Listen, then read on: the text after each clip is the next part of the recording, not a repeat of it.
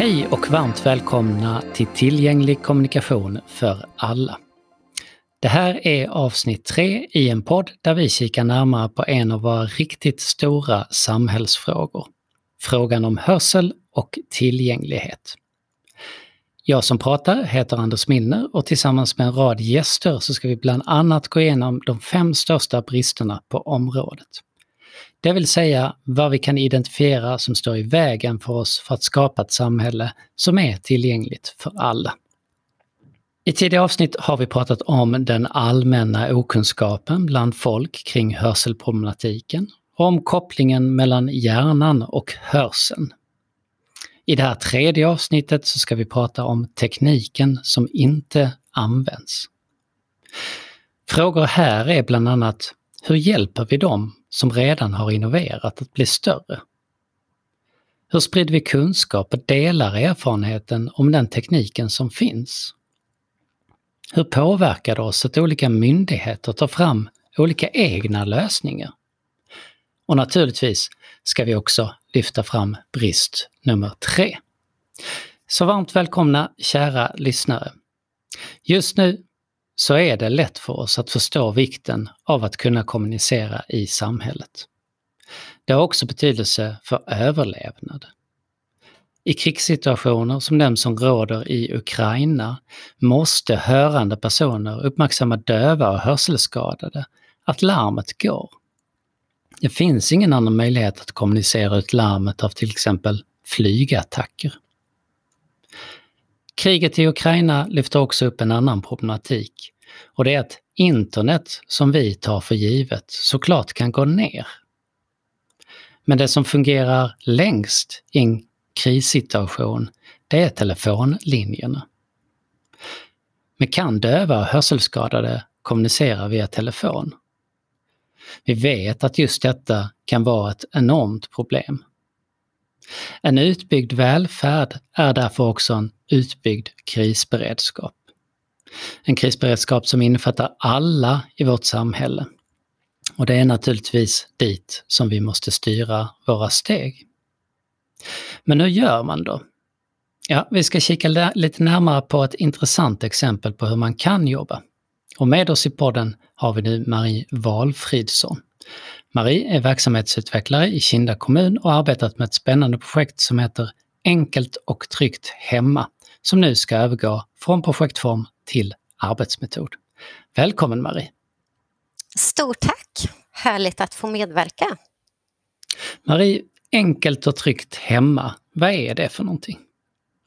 Ja, Enkelt och tryggt hemma var ett projekt som skapades 2019 där Linköpings kommun, den kommunala hyresvärden i Linköping, Stångåstaden, forskningsinstitutet RISE och bredbandsleverantören Utsikt och Kinda kommun samverkar tillsammans med medborgare för att skapa förutsättningar för att kunna bo kvar hemma längre i det egna boendet.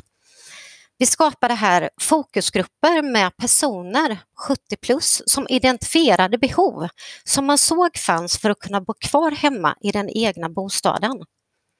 Vi skapade scenarios med personas, med händelser som vi kan råka ut för. Och de här händelserna skickade vi sedan ut till leverantörer som fick matcha behoven med deras lösningar. Lösningar som var produkter och tjänster som sedan vi presenterade för medborgare i två visningslägenheter i Linköping. Och projektet eh, Enkelt och tryggt hemma är också grunden till vår visningsmiljö i Kinda, fast i en ny tappning. Det är inget projekt utan en miljö som ska finnas tillgänglig över tid. Där vi presenterar trygghetsskapande produkter och tjänster i samverkan mellan kommunen, den kommunala hyresvärden Kindahus, bredbandsleverantörerna Itux och Global Connect och Götabiblioteken. Man kan ju kalla det här för välfärdsteknik. Kan du, kan du berätta lite grann om ert arbete med att få välfärdstekniken närmare medborgarna och, och vilken, som, vilken roll ni har i detta? Absolut. Kinda kommuns demografi ser ut som flertalet andra kommuner i Sverige. andelen yrkesverksamma ökar ju inte i samma omfattning som behovet och kostnaderna för att behålla välfärden för yngre och äldre. Därför så genomförs denna samverkan som har till syfte till att bidra till ett ökat kvarboende i hemmet och minska behoven av hemtjänst och platser i särskilda boenden. Och hur kan man då förebygga de här händelserna som ännu inte har inträffat? För att man som medborgare ska ha chans att veta vad som finns för möjligheter med tekniken så måste den presenteras. Och I Kinda kommun så skapar vi en visningsmiljö dit man kan komma och klämma och känna och prova och få information om tjänster och produkter som förebygger och hjälper till. Och det är viktigt här att poängtera att det finns ett stort utbud av tjänster och produkter på marknaden och visningsmiljön i Kinda presenterar en del av dem. Men det är också upp till den enskilde att välja. Vad jag vet så är det ingen annan som jobbar på det här sättet. Vad är det som gjort att ni har valt att ta det här steget? Ja, Kinda har lagt en stor vikt vid att när medborgare själv bestämmer vilken eller vilka produkter och tjänster som man önskar så har leverantörerna förenklat processen till beställning.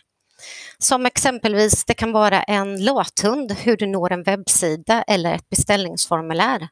Eller att man har förenklat processen genom att man kan ringa dit och beställa sina produkter och tjänster. Så i korta drag så kan man säga att man kan komma till visningsmiljön, klämma och känna på produkterna och när man själv har bestämt att man vill ha X och Y så finns det en förenklad process med stöttning från leverantörerna hur man går tillväga för att få hem produkten hem till sig. Och vi ser även över möjligheten till en fixartjänst som kan hjälpa till med montering och installation när prylen väl har levererats hem. Det låter ju fantastiskt. Vad förväntar ni er för resultat av detta? Att fler ska få möjligheten att kunna bo kvar hemma längre i det egna boendet om man själv önskar det. Mm. Och det, det, är ju eh, någonting som, som är ett bra, bra mål att så är det ju inte idag. Nej. Vilka, samtidigt så måste man också ha lite förväntningar kanske på de som producerar tekniken. Vad, vad, vad tänker ni där? Samverkan och dialog. Vi vill ju samma saker.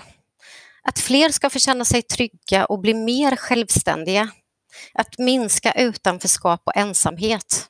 Och genom att göra det här tillsammans så ökar vi möjligheterna. Mm. Skulle fler behöva jobba så här? Det tycker jag absolut. Det är varmt att rekommendera.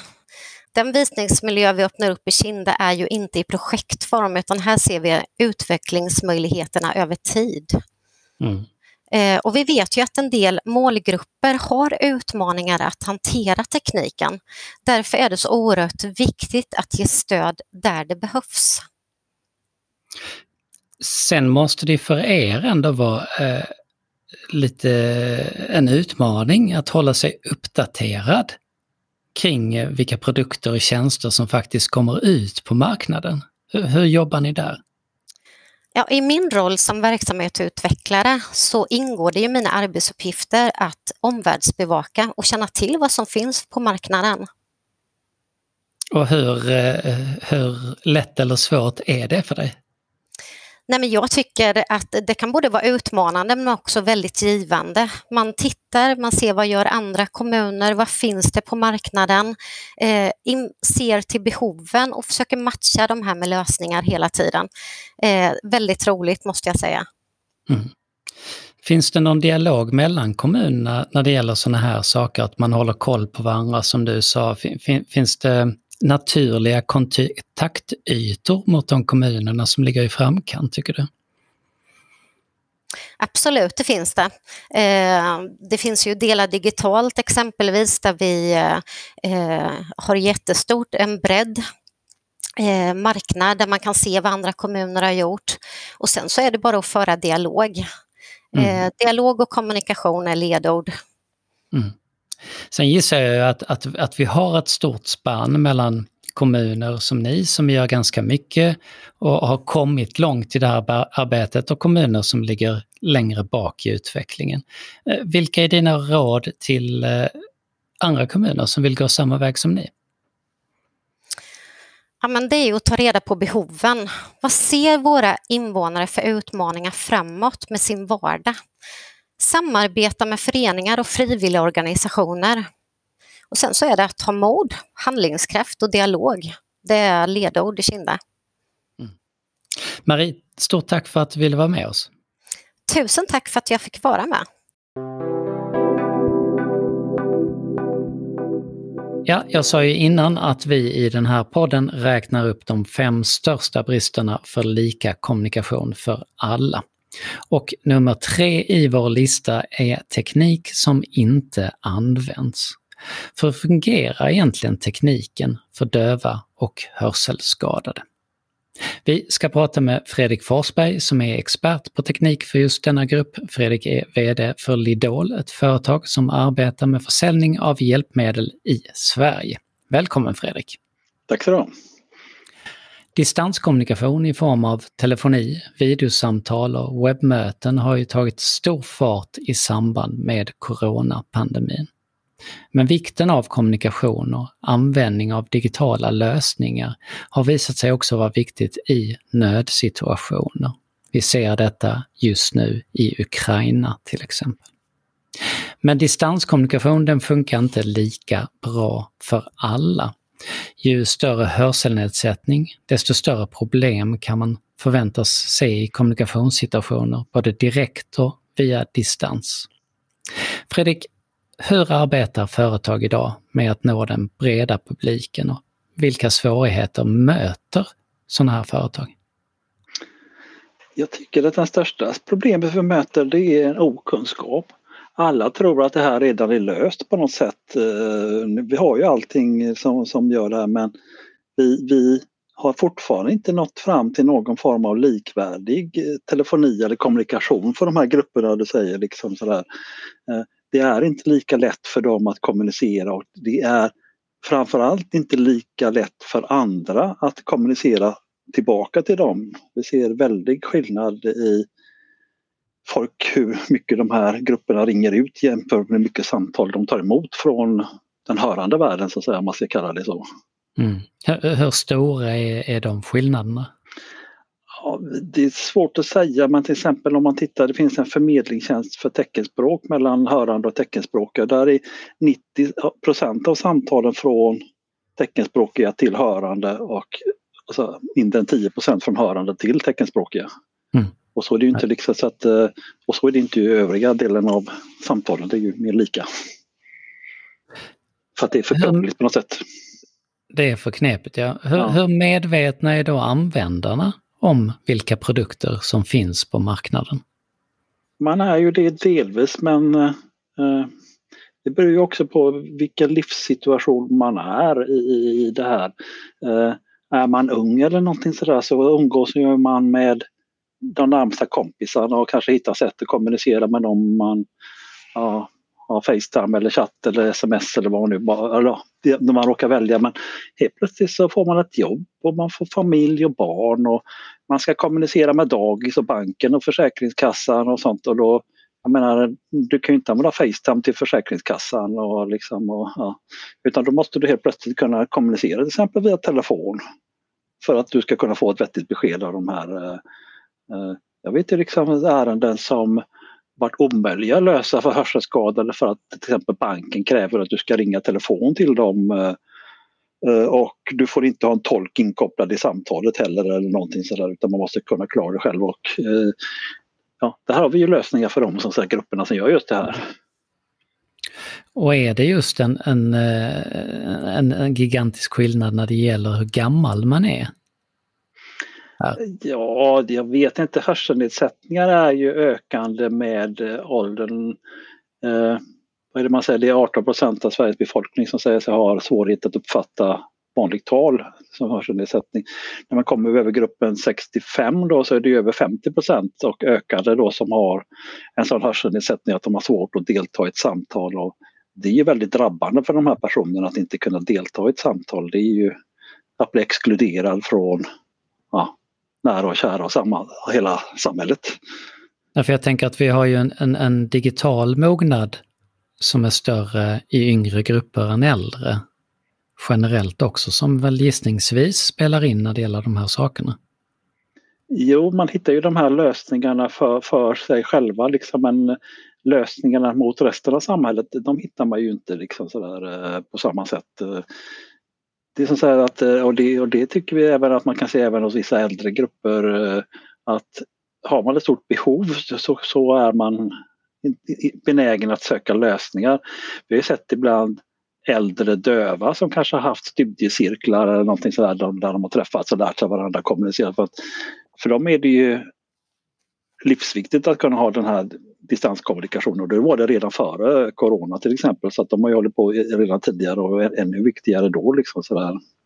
Mm. Så att, eh, men det, vad, vad, vet vi om de lösningarna som finns på marknaden idag? Fin, finns det någon slags sammanställning av kunskaper och erfarenheter av hjälpmedel för distanskommunikation? Ja, det finns ju det område som man kallar för alternativ telefoni så att säga, som är eh, där det finns lite olika leverantörer som har delvis likartad teknik. Det viktigaste är i varje fall att man kan ringa till varandra liksom med de här grejerna. Man kan ringa till varandra och man kan komma i kontakt med omgivningen med hjälp av de här produkterna då, va? i olika grad. För att eh, det är ju lite grann som när telefonin växte fram i slutet av 1800-talet att det fanns olika telefonbolag till exempel i Stockholm. Och ja, de hade samma teknik men de var varsin ö och de kunde inte kommunicera med varandra. Sen så standardiserades det här och man kunde börja ringa till varandra och efterhand så automatiserades uppkopplingen och så vidare. Och, nu har vi sett på den här på, på appsidan liksom där liksom att ja, det är fortfarande ölösningar. Man är liksom här på 1800-talsnivå där det är olika öar som inte kan kommunicera med varandra. Eh, och det kanske inte av tekniska skäl, det är mer av kommersiella skäl de inte kan kommunicera med varandra för att de här leverantörerna vill inte det att man ska kunna kommunicera med varandra. Och det innebär att man har 30 appar liksom installerade. Jag måste veta vilken app ska jag ha för att kunna kommunicera med vem. Liksom, och liksom, det blir ju jättekrångligt att jag måste ha koll på vilken app för vilken person helt plötsligt. Mm. Så egentligen det, är ett ganska flytande fält som, som är svårt att, att uh, hålla koll på? Ja, ja och nej. Så att vet man inte om att den här typen av produkter som kallas alternativ telefoni då, som bygger på en, stand, en öppen standard i sin tur som heter totalkonversation eh, som är eh, en internationell standard som också kommer att införas i det nya kommande webbdirektivet eller tillgänglighetsdirektivet heter det, som börjar gälla 2025 då va? Där alla stora operatörer och sånt ska kunna ta emot samtal med totalkonversation så att då blir det ju, öppnar ju sig marknaden mera för den här typen av lösningar och produkter men hittills tycker jag att förståelsen för det här eh, har varit väldigt liten och eh, man har inte sett att det anpassas någonting i de till exempel vård vårdappar som finns eller någonting så finns det ju inga anpassningar för personer med funktionsnedsättningar eller någonting sånt. Utan det är ju som de säger att det är för friska 35-åringar mm. i storstäderna. Och, och vad beror det på att det ser ut så? Ja, det, det, det, i syvende och sist är det väl de säger marknadskrafter och att man bristande förståelse på, på behovet. Man tror liksom att det här redan löst. Eh, man säger att ja men eh, det finns ju sms. Eh, det, det är väl bra. Ja, jo, vi kan jämföra tiden det tar. SOS Alarm säger själva att ett larm via sms tar 4 till 5 gånger så lång tid som ett vanligt larm via tal. Och har du då hjärtinfarkt och det går från 3 minuter upp till 15, 18, 20 minuter innan du får larmat ut någonting, ja då är personen död. Så att jag ser inte det som likvärdigt. Det är bra, naturligtvis, naturligtvis ska det finnas larm via sms men det är inte likvärdigt. Alltså, likvärdigt menar liksom att du ska göra på samma sätt, det ska ta, ta ungefär lika lång tid, du ska ha samma förutsättningar som alla andra att larma. Mm. Jag träffade en, en tidigare kollega till mig som är döv tjej, hon sa hon kom, var den första som kom till en olycksplats. Och hon kände sig förtvivlad över att hon inte kunde ringa och larma 112. Mm. Nej, det är ju en, en, eh, sak som jag tror nog att många människor inte ens reflekterar kring. Den situationen. Ja, det går, men det går med en massa extra steg och grejer och så gör att det tar längre tid och blir krångligare och liksom och sådär. Men det, det, är inte på samma sätt liksom. Sådär. Nej. För att komma framåt eh, så behövs såklart innovationer. Det finns massa mm. bolag som jobbar med innovationer och hittar på massa fiffiga och smarta saker. Mm. Får de bolagen som innoverar tillräckligt mycket med stöd idag? Jag tycker nog att de får lite mycket, mycket stöd. Jag kanske till och med tycker att de får för mycket stöd. Vi har så fokusering på innoverande. Liksom det ska innoveras i kommuner och landsting, eh, regioner och överallt ska det innoveras. Problemet är liksom att sälja grejerna, få det omsatt i praktiken. Jag menar, jag har inga problem, eller vi har inga problem att innovera själva egentligen. Problemet är sen att få kunderna, regionerna, staten etc. att ta in de här lösningarna hos sig. För att de vill själva innovera. Där ska folk själva innovera. Vi häller ut pengar i innovationsgrejer. Och det här innovationsstödet i sig tycker jag inte är särskilt jag tittade på någon statlig myndighet som gav innovationsstöd och det var, det var typ två tredjedelar gick till eh, ja, runt 30-åriga män i Stockholm som fick de här pengarna. Det är liksom, Men, ja. Eh, hittar, man, hittar man på för mycket själva? Man hittar på mycket själva och ofta så finns det redan lösningar färdigt för det här. Eh, jag tycker att, vi har sett exempel, jag tittar lite grann omkring på internet, i Storbritannien så är myndigheterna tvärtom, de beskriver vilka problem de har. Vi har de här problemen så att säga, så här, de här sakerna skulle vi vilja ha lösta och vi behöver lösningar som ser ut, fungerar ungefär på detta sättet hjälp oss med detta. Och då tar företagen fram förhoppningsvis lösningar som mottar de här problemen man har beskrivit och kan då sälja dem till dem, liksom där, eh, få in det hela eh, och få en fungerande marknad för det hela. Och för mig är, beskrivs ju bara nyttan av min produkt som jag utvecklat finns ju bara om någon är villig att betala för den. Mm. Jag kan inte hitta någon kund som vill köpa den av mig då är det ju en dålig produkt eh, om de inte vill betala för den. Eh, sen finns det naturligtvis alltid sådana gratisprodukter på marknaden eh, som från, framförallt från de stora amerikanska bolagen men där är skillnaden att eh, betalar jag ingenting är det jag själv som är produkten. Då säljer jag ska säga, min integritet till de här eh, företagen. Och det har vi sett i ett antal domslut från framförallt från EUs dataskyddsmyndigheter liksom angående de här dataskyddsdirektiven och sånt att man får i princip inte använda några amerikanska tjänster överhuvudtaget. Eh, ja, men, inte bara amerikanska då, utan även kinesiska, alla, alla utanför EU och EES-området. Men om vi då backar tillbaka till problematiken här, mm. vad, vad behöver vi göra för att situationen ska bli bättre? Och vem är det som behöver göra någonting för att vi ska förändra det?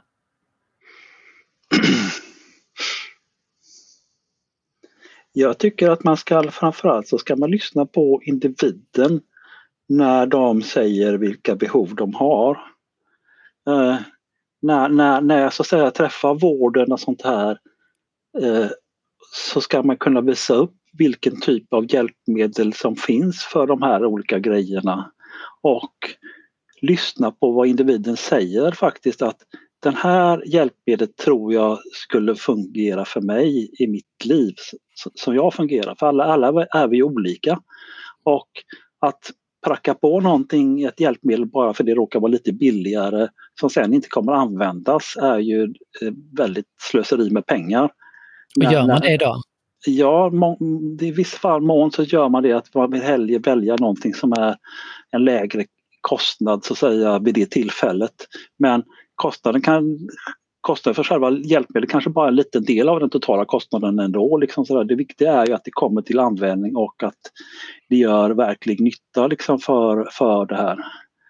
Ehm, vi har ju sett, sett på olika typer av hjälpmedel vi själva säljer då att en ny teknik som kanske är lite dyrare så ser vi liksom att användning av den här är mycket högre den kanske eh, används någon timme om dagen. Liksom, eh, man har distanskommunikation någon timme om dagen med vårt hjälpmedel jämfört med någon timme i veckan med, med andra konventionella hjälpmedel. Och vi hör också liksom då från användare att ja, min bror han ringde tillbaka till mig bara för att prata. Mm. Alltså att bara liksom, man vill bara umgås på, på ett naturligt sätt. Tidigare man har haft den här nödvändiga kommunikationen eh, där man bara kommunicerar den absolut minsta möjliga eh, information. Ja, köp två liter mjölk ungefär. Liksom sådär. Men, inte men, att... Har vi någon slags eh, mer individ-tillvänd eh, tillvänd förhållande från vårdens sida där man ser den enskilda personens behov? Ja, och det, ja, och det, egentligen så är det ju det som står i patientlagen och hälso och sjukvårdslagen att eh, finns det olika hjälpmedel att välja mellan så ska individen kunna välja det som han eller hon önskar. Om det är skäligt naturligtvis. Liksom, det får inte vara någonting, jag kan inte välja en diamantprydd eh, grej. Liksom, sådär. Men då måste man veta också, alltså både från vårdens sida och den som söker måste då ha en koll på läget med en viss omvärldsbevakning, vad det finns för alternativ som erbjuds. Ja, fast det tycker jag är, det är vårdens ansvar att kunna visa upp de här sakerna. Att problemet mycket med sjukvården idag det är ju att man själv måste vara expert man måste, för att kunna få någon vård. Liksom sådär. Eh, du måste själv veta alla alternativ själv för att kunna eh, få någonting. Det vill säga, för ungefär två år sedan fick jag min första hörapparat. Eh, jag var där och så på, träffade på hörcentralen och så kom träffade jag någon audionom och så sa jag, jag föreslår detta. Liksom, så, så, jag har liksom jobbat där. Så, Varför föreslår du den här? frågade jag. Liksom, så, så. Jo men Ja, det är den jag klarar av att ställa in ungefär. Men då vet jag ju egentligen så finns det kanske 5-10 olika apparater som, de, som regionen upphandlat eller någonting. Så att, mm. jag som individ kan ju ha svårt att veta vad de innebär för någonting och då förväntar jag mig att den här vårdpersonen ska kunna beskriva nyttan av mig, för mig i de här olika så att jag kan göra ett informerat val. Och utifrån det så säga tänka ut vad som säga, skulle kunna fungera bäst i min vardag eh, i mitt liv. Liksom. Eh, så att jag tycker faktiskt att det ligger på regionens ansvar att, att, mm. att kunna vägleda de här och eh, in, inte trycka på liksom en, en färdig lösning utifrån sin egen eh, ståndpunkt utan försöka få, få individen att, att kunna göra det här valet. Då. Mm. Men då pratar vi om en, en kontinuerlig eh, kunskapsuppdatering ja, inom men, regionerna ja, och ja. de enskilda eh, läkarna som möter patienterna. Ja, eh, det, det, det, kan ju vara så men det är ju inte, det är ju inte fantastiskt stort eh, utbud som finns här. Det, det, som i Sverige så finns det tre leverantörer eller någonting med, med kanske ja, det är liksom tre, fyra, fem, sex olika produktlinjer man behöver ha koll på som, som, som professionell. Så det är inte jättesvårt och eh, för de mest avancerade produkterna som vi kanske säljer då så finns det i, i stort sett bara vi som levererar det hela i dagsläget. Eh. Vilket är både eh, roligt och synd naturligtvis. Eh, det är roligt att vara ensam men det är alltid bra med konkurrens för att det hjälper en att få förståelse för eh, produktområdet. Mm. Det är på samma sätt som Avslutningsvis Fredrik, hur eh, stor sak är detta att förändra? Om vi säger att vi börjar förändra idag och när är vi klara? Hur, hur omfattande förändring är det vi pratar om? Jag tror att man måste fundera på det här stuprörstänkandet man har. För, för, för, att till exempel våra produkter hjälper folk i många, mycket mer än bara dels inom, inom uppfattningsområdet så måste man se som hörsel är inte bara örat utan det är kognition, det vill säga man, det är hjärnan som är inblandad i det hela och där hjälper, vi har exempel eh, AI-baserad textning, artificiell intelligens som textar video, telefonsamtal och möten på plats till exempel. Där. Eh, det gör ju att hjärnan kombinerar det man läser med det man hör eller, och det man ser liksom på en, en gång och gör att man kan få en bättre eh, eh, taluppfattbarhet så att säga.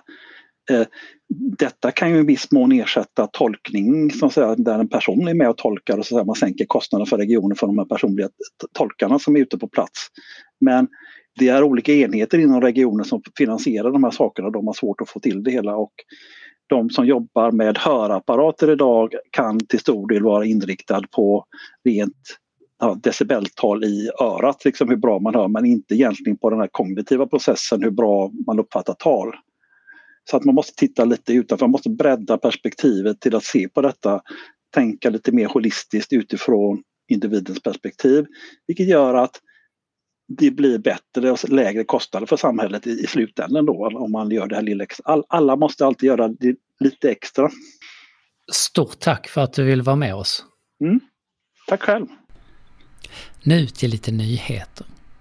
Amerikanska The Daily Moth har intervjuat två döva ukrainare. Den ena, Olga, är nu på väg till Polen och The Daily Moth uppger att över 36 000 döva har flytt till Ukraina.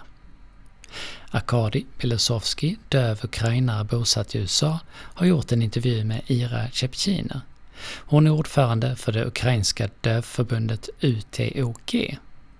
Enligt honom är det den första officiella intervjun med UTOG om hur det ukrainska dövsamhället hittills har blivit påverkat av Rysslands invasion och om döva som flyr kriget.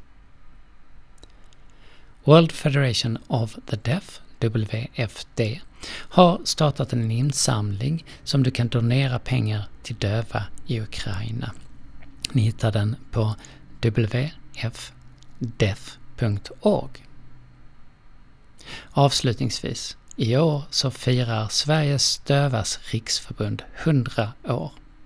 Det här kommer firas på flera håll i landet under 2022.